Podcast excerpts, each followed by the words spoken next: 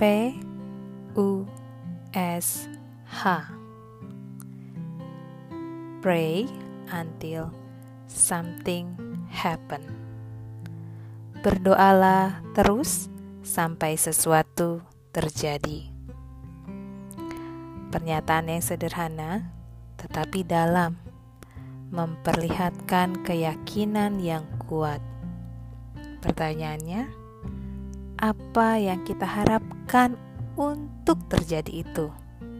Dalam berdoa, sering kali kita tidak bersungguh-sungguh, bukan dalam arti sikap fisik, melainkan dalam sikap hati kita terhadap doa. Kesungguhan dalam berdoa kerap disalahartikan sebagai sikap memaksakan kehendak kepada Allah dan keinginan untuk mengatur Allah dalam menjawab doa kita. Injil Matius dalam Matius 7 ayat 7 sampai 11 berbunyi Mintalah maka akan diberikan kepadamu Carilah maka kamu akan mendapat. Ketoklah, maka pintu akan dibukakan bagimu.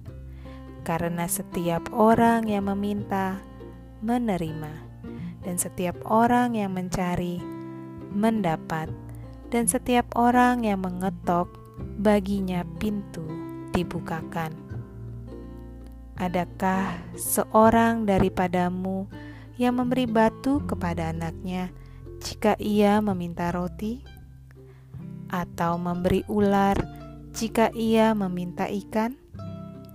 Jadi, jika kamu yang jahat tahu memberi pemberian yang baik kepada anak-anakmu, apalagi Bapamu yang di sorga, ia akan memberikan yang baik kepada mereka yang meminta kepadanya. Injil Matius menyampaikan bahwa janji Allah Bapa itu tegas dan jelas, yaitu mintalah maka akan menerima. Cari maka akan mendapatkan. Ketok maka kepadanya pintu akan dibukakan. Janji ini harus kita imani. Tetapi Matius juga menyampaikan bahwa Allah Bapa tahu betul hal yang terbaik untuk kita menurut kehendaknya. Kita tentu ingat sewaktu Tuhan Yesus berdoa di Taman Getsemani.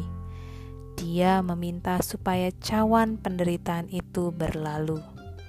Tetapi Bapa memiliki kehendak yang lain, yaitu salib. Dan keputusan Allah itulah yang terbaik.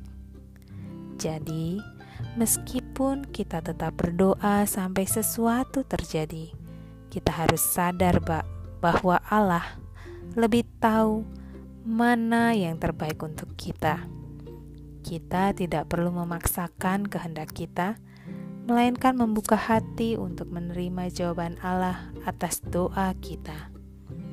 Apakah itu ya atau tidak, atau nanti? atau jawaban lain yang tidak kita duga. Selain itu, kita perlu sabar menantikan Allah menjawab doa kita. Segala sesuatunya akan indah pada waktunya. Jangan minta kepada Tuhan apa yang menurut Anda baik. Mintalah apa yang menurut Dia baik bagi Anda.